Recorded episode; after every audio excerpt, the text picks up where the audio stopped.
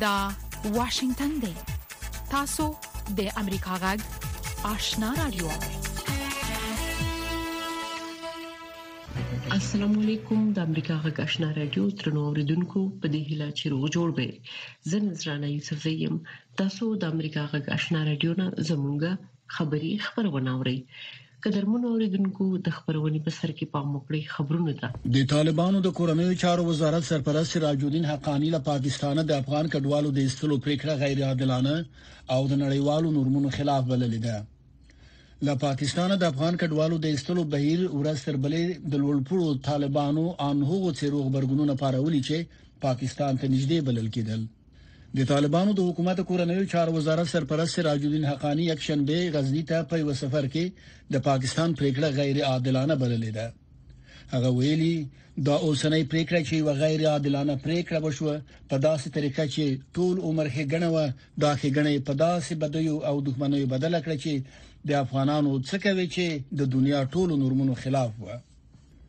د هرات د امنیتي ډیالوګ په نوم د یوې غونډې ګډونوالو د افغانستان اوسنی شرایط ناوړ بولی او وايي د ژغورنې لپاره له خبرو او نورو غوراویو کار اخلي د افغانستان د اوبو او انرژۍ په خوانی وزیر محمد اسماعیل خان چې په تاجکستان کې د هرات امنیتي ډیالوګ د یو لسمه غونډې ګډونوال دی نن خبريالانو ته ویلي دي هله لري چې د کانفرنس او نور ورته کانفرنسونه به د افغانستان ژغورنې ته لار پرانیزي د زیاته کړه هڅه کوي دا سلاره چاره ولټوي که خبره پایله نه ورکوي هغه لارې چارې کاروي چې په خوایې د افغانستان د ژغورنې لپاره کړي او افغانستان د اوسنیو بدو شرایطو له شر خلاص کړي د طالبانو حکومت روسه دغه غونډې په تړاو حکومت تفسیر نه ده کړې د بارونکو موټرو یو شمیر چلوونکي او سوداګر وایي د پاکستان حکومت له تیرو دریو ورځو راهیسې اجازه نه ورکوي چې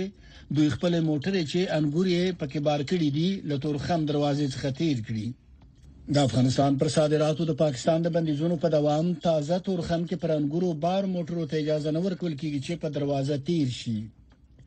په تورخم کې هغه موټر چلوونکي او سوداګر چې انګور یې بار کړی دي ازادي رادیو ته ویلي دي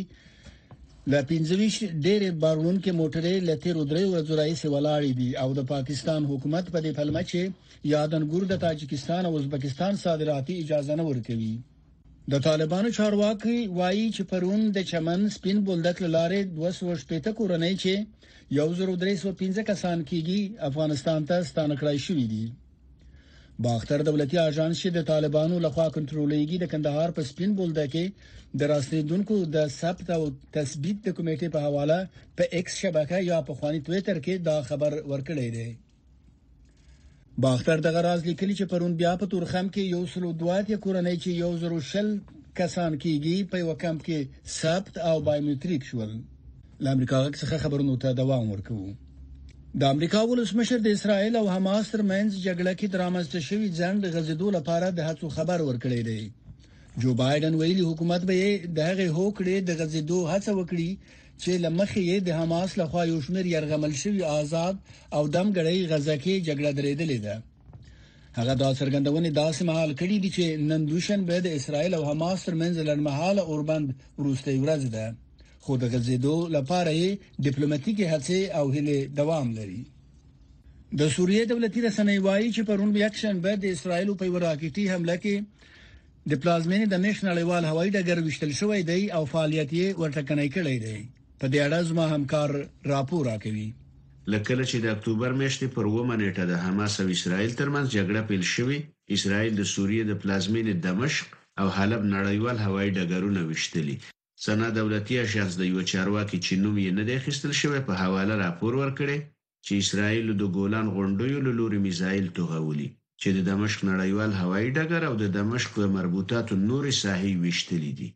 احمدالله ارچیوال، اشنا راډیو، واشنګټن. له امریکا غږ څخه خبرونو ته دوام ورکوو. د پاکستان پوځ وايي، د افغانستان پولې ته نږدې په جنوبي وزیرستان کې لږ تر لږه اته سخت دریځي وسله وال وژلي دي. د پوز د عامه اړیکو څانګې ویلي دي چې د عملیاتي تیر ورځ سره راغلي سیمه کې کړی دي خو دا معلومات نه دی ورکړي چې وژل شوی وسلوال د کومې ډلې کسان وو د عملیات داسې مهال شوې دي چې پرون د خیبر پښتونخوا په بنو کې د امنیتي ځواکونو په کاروان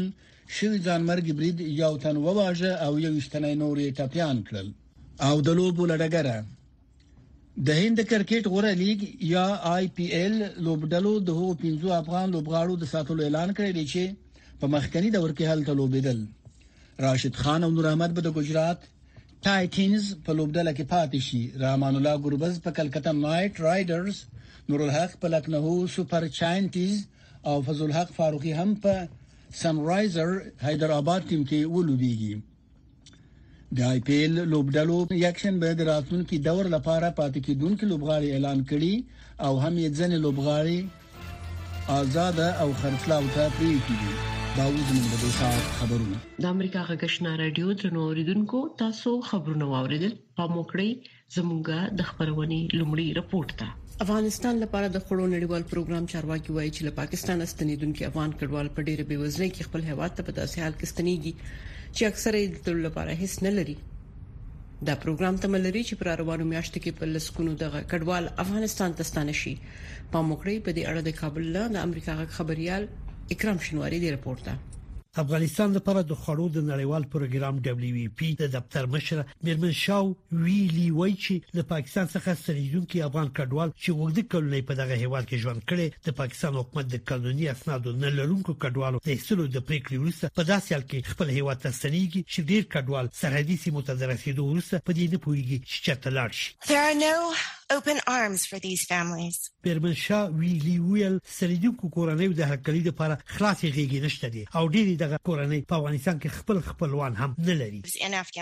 بیرمن شاه ویلی چې په ژنیو کې د افغانستان د وضعیت په اړه خبریالانو ته په انلاین بڼه معلومات ورکول ویل چې ډېری کورنۍ چې له افغانستان څخه دوه دوه کلونو دمخه وتلې وي اوس چې بیرته دغه هیواد ته ستنیږي د سړي لور لپاره هیڅ ځای نه لري افغانستان کې د خوړو د نړیوال پروګرام د دفتر مشري ویل چې افغانان د کال تر ټولو سخت وخت کې له پاکستان څخه افغانستان ته کډه کول ته اړ شوي دي Only pack some bread for food for their journey and arrive exhausted, hungry. مېرمن شاه ویلي ویل هغه کورنۍ چې د سفر وروسته سرحد ته رسیږي یوازې دغه سفر د لپاره خواړه له ځان سره لري او د لوږې په حال کې افغانستان ته رسیږي چې بیړني ملاتړ ته اړتیا لري د کورنۍ تر ټولو په نامناسب وخت کې افغانستان ته په جبري ډول شړل شوې دي هر سنیدونکو کډوال ویلي چې په دې نه پوهیږي چې زرا روان ژمي څخه به څنګه بچ پاتې شي میرمن شاه ویلي ویل چې له پاکستان څخه ډېری راستنې شوې خزي له مړونو پرته ایستل شوې او مړونه لا هم د پاکستاني پولیسو لخوا بندیان دي هغه زیاته کړه چې راستنې شوې نه یوازې په ژمي کې بیړنۍ مرستو ته بلکې افغانستان کې د ژوند بیرته جوړولو لپاره هم مرستو ته اړتیا لري د ملګرو ملتونو د کډوالو د عالی کمشنرۍ یو ویل سی آر د تیری ونې د معلوماتو لمخې پاکستان څخه د قانوني اسنادو نه لرونکو کډوالو د ایستلو د بهیر له پیل څخه 315 زر افغان کډوال خپل هیواد ته ستانه شوي دي د خوړو نړیوال پروګرام وایي چې له پاکستان څخه د سنیدونکو یو میلیون افغان کډوالو سره د مرستې لپاره د بودیجې د سخت کمبود سره مخ دي دغه پروګرام د پنځشنبه ورځ نه وخته په ویلامه کې ویلي چې له پاکستان څخه د افغانستان سرحد ته اکثره سنیدونکو کورنۍ په ډېرې بیوزلۍ او ناامیدۍ کې ستنېږي چې بیړنیو مرستو ته اړتیا لري د دې اعلامیې له مخې په روانه میاشت کې د خوړو نړیوال پروګرام په سرحدي سیمو کې شاوخوا 250 زره کسانو سره د خوړو د چمتو کولو په برخه کې مرسته کړې ده د اعلامیې وی چې اوس مهال په افغانستان کې د خوړو نړیوال پروګرام د بودیجې د سخت کمښت سره مخ دی او د اضافي بودیجې د چمتو کېدو پرته نشي کولای دغه کورنۍ سره چې د څو لومړنیو توکو او ډوډۍ پرته له سفر وروسته سرحد ته ستنېږي دوام ورکړي د خوړو د نړیوال پروګرام د افغانستان د دفتر رئیس د وینا پر اساس سړیدونکو کډوال ډیر کم اقتصادي فرصتونه په مخ کې لري او اکثره غوي د ژوند د پاتې کېدو لپاره هڅه کوي د خوړو نړیوال پروګرام دا غوښتنه په داسې حال کې کړې چې دغه پروګرام په ګډون په افغانستان کې د ملګرو ملتونو اکثره ادارې د بودیجې د کمبود سره مخ دي د بودیجې د کمبود لامل د روان 2023 کال د 13 اگست په میاشت کې د خوړو نړیوال پروګرام د تاړ شو چې په افغانستان کې د لس میلیونو مرستو تاړو افغانانو باندې خپل مرستې بندې کړي د پاکستان حکومت د اکتوبر د میاشتې په دریمه له دغه هیواد څخه د یو اشاریه اوه میلیونو قانوني اسنادو نه لرونکو کډوالو د ایستلو پریکړه وکړه او دغه کډوالو ته د نوامبر د میاشتې تر لومړۍ ورځې مهلت ورکړ چې له دغه هیواد څخه ووځي او کنه ټاکلې نیټې وروسته به ونیول شي او خپل هیوادو ته به واستول شي ملګري ملتونه وایي چې د افغان کډوالو د ایستلو د بهیر له پیل څخه تر اوسه درې سوه او پنځه اویا زره افغان کډوال خپل هیواد ته ستانه شوي خو د طالبانو حکومت وایي چې له پاکستان څخه د ستنیدونکو افغان کډوالو شمیر له 300 زرو څخه اوښتی دی د بدلون پر مهال کله چې د نړۍ وضعیت څرګند نه وي او کله چې اوریدل ل عیني واقعیتونو سره سمون نه خوري موږ په حقیقت پسې ګرځو کله چې موږ ته د موضوع یوازې یو اړخ بیانېږي نو باور بایلو د ناورین پر مهال د یوې ښې راتلونکې لپاره زموږ خوبونه تم یو هلي پر آزادو مطبوعاتو تکیه وي د امریکا غږ پر چپو موږ هغه خبرونه خبرو چې خلک یې د لیدلو لپاره غواخونه مني موږ نړۍ سره وسلو او د حقیقت په ویلو یې یو موټی کوو د امریکا غږ له لارې موږ بشپړ انځور درکو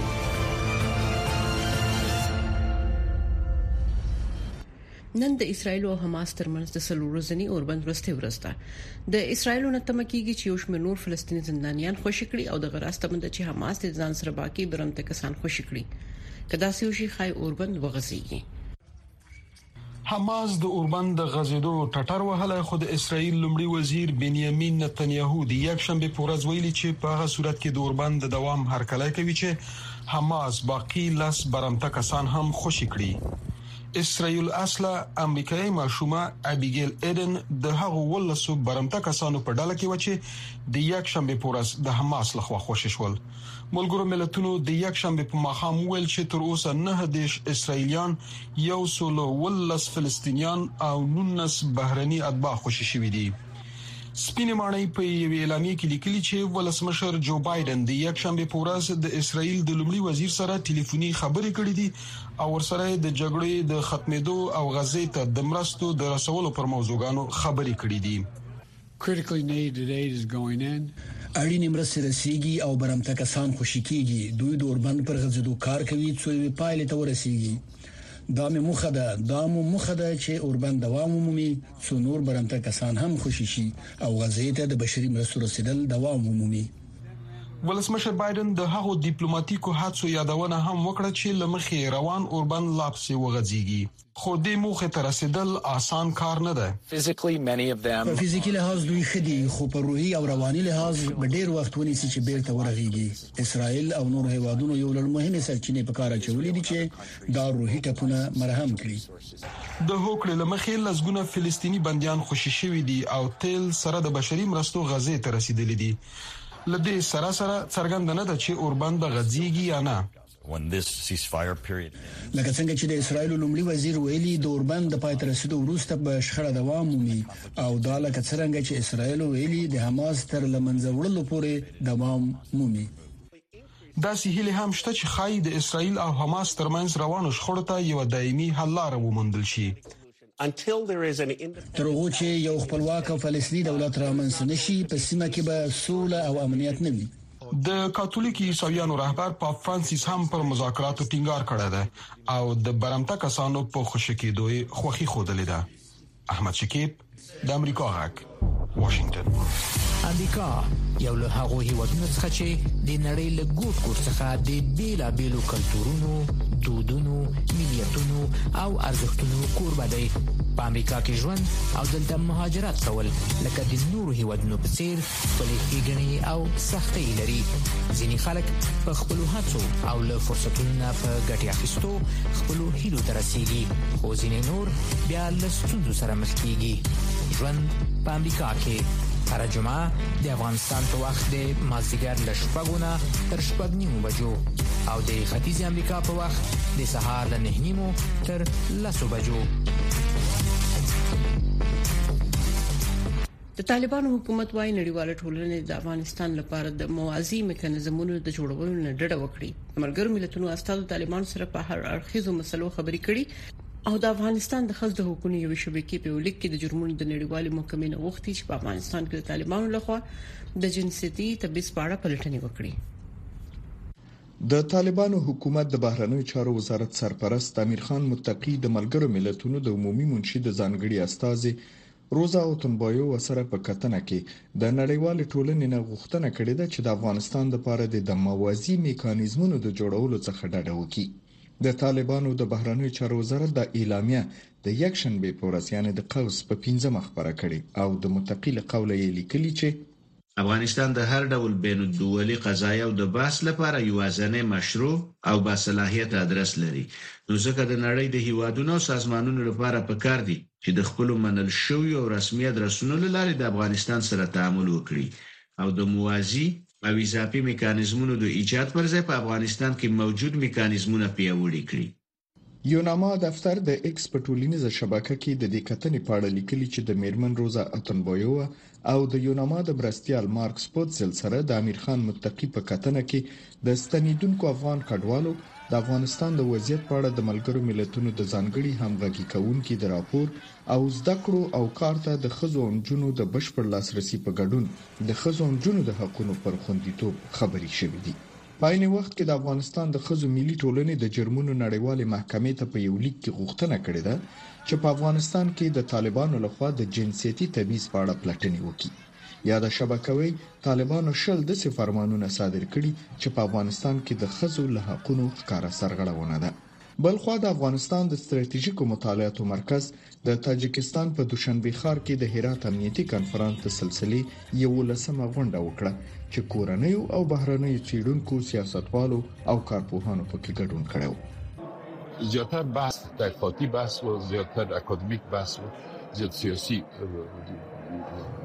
اړخ نه لري دا کنفرانس ځکه متخصصین د مختلفو هیوادونو راځي مختلفو بنسټونو راځي دلته په هغه باندې بحث کوي سربېره پر دې چې دلته موږ خپل تشویشونه دوی سره شریک کړل هغه واقعیتونه هم دوی ته وړاندې شول چې کوم افغانستان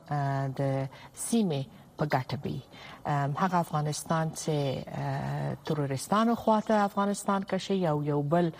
داخلي او منطقوي بحران او یا هغه افغانستان چې دنیا سره په خه تعامل کې رواني او د تاوتریخوالو لپاره نور ځای پکې نه د هرات په امنیتي کانفرنس کې د بهرنیو سیاستوالو او کارپوهانو په ډله کې د پاکستان د پارلمان پخوانی غړي محسن داوړ هم ګډون کړی و او امریکا غږ ته یې وویل چې جګړه پر افغانانو تپل شوې او باید د حل پر لارو چارو خبرې وشي. د یو نه یو ځای نه دا خبره شروع کول پکار وو چې څه کول پکار دي افغانانو لا د ټوله دنیا دا یو نوی جنګ چې په افغانانو راوتپل شو اوس د دې نه راوتلو افغانانو سره څه لار ده د افغانستان د وضعیت په اړه د ملګرو ملتونو د ځانګړي همغږي کوونکي او خپلواک ارزونکي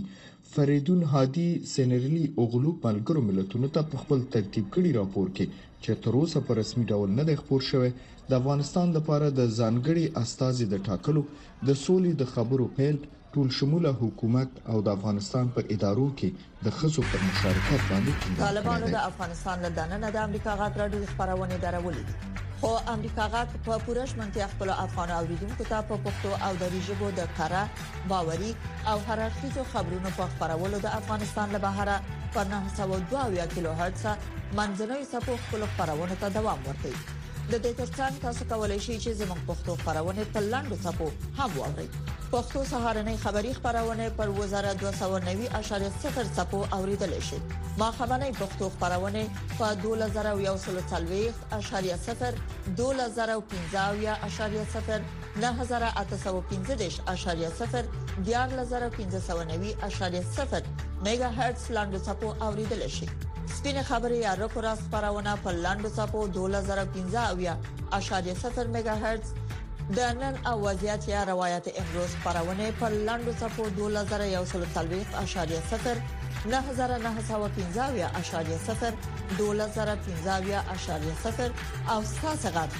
یا صداي شما خبرونه پر لاندو صفو 2015.0 9315 میگا هرتز اوریدل شي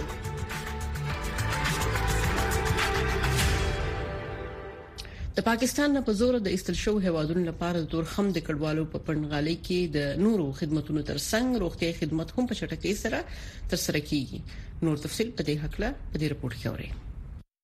له پاکستان څخه په زوره د ایستل شویو هیوادوالو لپاره د تورخم د کډوالو په پنډغالي کې د نورو خدمتونو ترڅنګ روغتیايي خدمات هم په چټکۍ سره ترسره کیږي. په دغه ځای کې روغتیايي ډلې پر دندو ګمارل شوې، څو په وړیا ډول د کډوالو درملنه وکړي. د یادو روغتیايي کارکوونکو له ډلې ډاکټر واقف شاه، شینواری پژواک ته وویل په تورخم صفری نقطه کې د کډوالو لپاره موږ په صحي برخه کې کم خدمات چې وړاندې کوو دا په وړیا ډول وړاندې کوو او موږ د لپاره ګروپي شکل باندې ترتیب جوړ کړی نو بتوار هر ورځ موږ یو ټیم دلته راځي او د هوادوالو خدمت کوي موږ دلته مریض تداوی کوو او درمل ورته وړیا ورکوو هغه درمل چې د هغوی لپاره کم د ضرورت وړ وي هغه دلته موږ سره شتون لري او هغه ورته ورکو کم ناروغان چې دلته درملنه نه کیږي د ننګرهار ایمرجنسي امبولانسونه شته دي دوی هغه موظف ځای ته وړي او عمل ته تداوي کوي په ورته وخت کې راستانه شوی هیوادوال هم په دغه کمپ کې له روغتيایي خدماتو خوښ دي او وایي چې درمل په وړیا ډول ترلاسه کولای شي مونږ چې د پاکستان نه د کیمپ ته رانقل شوي سل په سلو کې مونږ د دې روغتون نه او د ډاکټر صاحبان نه مطمئن یو او مونږ ته وخت په وخت باندې دوايانې ماشومان او ته غټانو ته چې کم تکلیفي ان شاء الله مونږ ته سل په سلو کې د دوايانې او زموږ خدمت ته تیار ولاړ دي په دغه پندغالي کې د نورو برخو د متخصصینو ترڅنګ د ماشومان د برخې متخصص هم عملاً د ماشومان په درملنه بوخت دی د ماشومانو د روغتيي برخې یو متخصص ډاکټر په دې اړه وایي دلته موږ تقریبا ټول خدمات چې ممکن دي هغه وړاندې کوو بل خصوص سراپا خدمات د بستر خدمات نه لرو البته هغه ناروغان چې د بستر ور دي یا شدید حالت لري هغه ریفر کوي مفت دولتي او خصوصي روغتونونو ته البته هغه چې موږ سره په تفاهم کې دي هره ورځ مختلف متخصصین تقریبا هره ورځ څلور مختلف تخصصونه هغه راځي دلته مثلا نن د اطفال داخله متخصص د جراحي اعصاب متخصص د ولادت نساء متخصص د ازمي او د معدې ګاسترونټولوژي متخصص دا نن موجود دي کله چې هیوادواله پاکستان څخه ایستل کیږي او بیا د تورخم دروازې لاره افغانستان ته راوړي ماشومان ته د پولیو واکسین ورکول کیږي څو د ګزړنده لا علاج ناروغي څخه وژغورل شي صحابه کې نه راغلم توډیرینه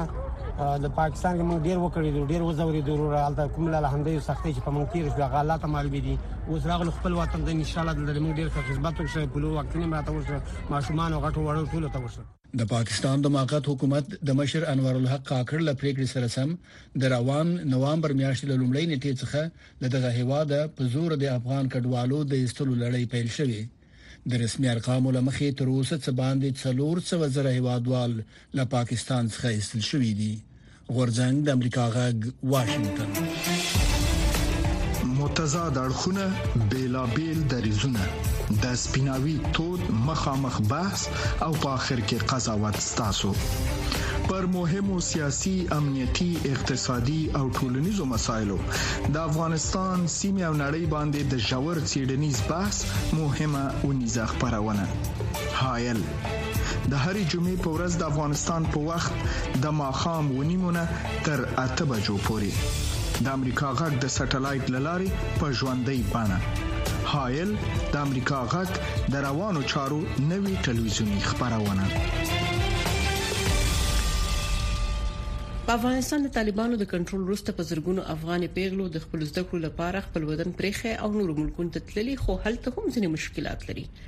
خدای نور ناصر رپورټ را لګره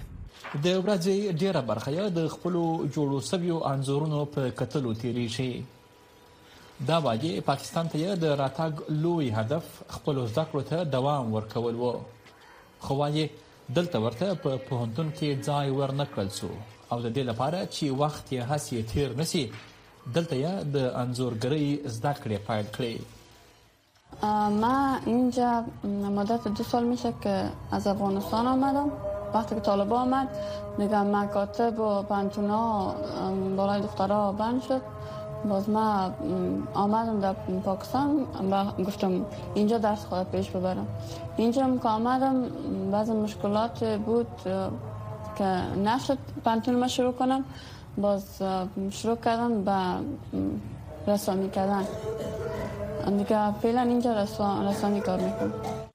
دا وایي سره له دې چې آینده یا معلومه نه ده خو بیا هم د انګلیسي ژبې له لوست سره سره همدا انځورګري هم زده کوي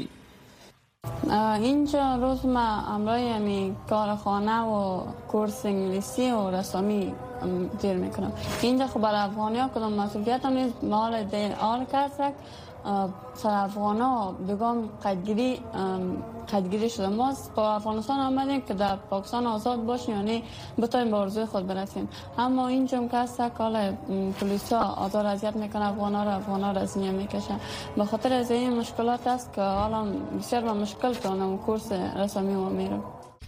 په کابل د طالبانو تر کنټرول وروسته په زرګونو افغان جنو خپل هیواد د زده کړو لپاره پریښود چې په نورو هیوادونو کې به خپل زده کړو ته دوام ورکړي ګڼ شمېر یې گاوند پاکستان ته هم راغلي خو د پاکستان وروستۍ پریکړې چې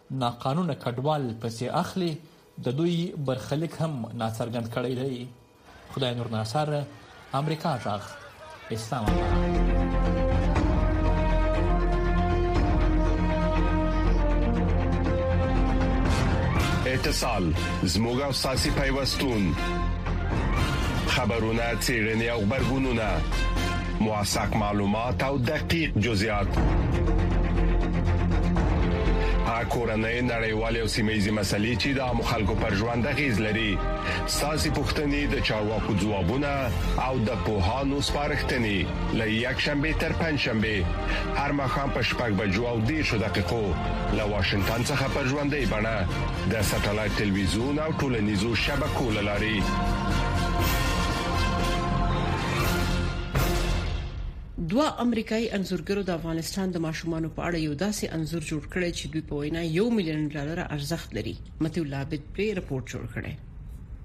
تامس راموس او کین اوزبرن د امریکا په ټکساس ایالت کې په خپل استودیو کې د کلونو راهیسې انځورونه جوړي او دا ځلې یو ځانګړی انځور د افغانستان د هغو ماشومانو په اړه جوړ کړي چې جګړو او ناخوالو ځپلي دي دوی دواړو دغه یو انځور لپاره څلور کاله مخکې افغانستان ته سفر هم کړو او د انځور په جوړولو دوه کاله وخت ولګید. مونږ ولیدل چې خلک یوازې د افغانستان په اړه خبرې کوي. مونږ غوښتل چې خبرو په ځای یو څه وکړو. مونږ غوښتل چې یو داسې نړیوال سمبول جوړ کړو چې د افغانستان د جنګ ځپلو کورنیو او ماشومانو د ژوند ناخوالې انځور شي. مونږ د دغو ماشومانو سره د مرکو لپاره ډیرو خطرناکو ځایونو ته سفرونه وکړل. او دوی مو له نږدې څخه ولیدل. انځورګر تامس رامس او کین اوسبرن په کال 2019 کې د افغانستان شمال ته تللي وو او د هغو ماشومانو بوټونه راغونډ کړي وو چې د کورنۍ غړي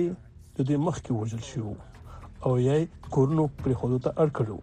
دوی دغه بوټان د جنگ ځپلو ماشومانو د سمبول په توګه عکاسي کړل او بیا ورنه دغه انځور جوړ کړ موږ د دې پروژې لپاره ډېرو هېوادونو ته لاړو، خو د افغانستان سفر راته یوه ښه سوژه راکړه او هغه ځای نه مو الهام واخیست او تر ننه د هغو کوچنیانو او کورنیو سره اړیکه کې یو. د دوی په وینا، دغه انځور چې د سرو زرو، پلاټینیم او د پلاډینیم د څلور ویشت قراتو اوبو نه جوړ شوی دی، په نړۍ کې د جوړښت او ارزښت له مخې تر ټولو لوی او قیمتي انځور دی. غنځور د نږدې دوه کلونو په موده کې تیار شوی دی د مختلفو مرحلو نه تیر شوی دی کیمیاوي مواد پکې استفاده شوی دي او داسې مواد پکې کارول شوی چې تر پیړۍ پیړۍ به د غنځور نه خرابېږي خغل تامس وایي چې د افغانستان ماشومان په جګړو کې سخت کړي دي او د غنځور مخه نړۍ ته د دوی درد او کړاو رسول دي موږ د ماشومانو د بوټانو انتخاب وکړ، دا د ماشوم د معصومیت یو ښه سمبول دی، یو ماشوم چې اوس دې نړۍ کې نشته او موږ دغه بوټان راغونډ کړل او دا انځور مو ترې واخیست. انځورګران راموس او اسبرن دې انځور ته د میلیون ډالر پرنټ نوم ورکوي او غواړي چې په یو مناسب وخت کې نندارې ته وړاندې کړي او یو میلیون ډالر یې وپلوري دوی غواړي دا پیسې د ماشومانو د حقوقو موسسو او هغه کورنۍ ته ورکړي چې دوی سره د افغانستان سفر په وخت کې مرسته کړې او خپل داستانونه ورته بیان کړي دي متي الله عبد امریکا غږ آشنا تلویزیون طالبانو د افغانستان له دننه د امریکا غږ راډیو خبرونه درولې دي خو امریکا غږ په پوره شمنتیا خپل افغان اوریدونکو ته په پښتو او دری ژبه د کره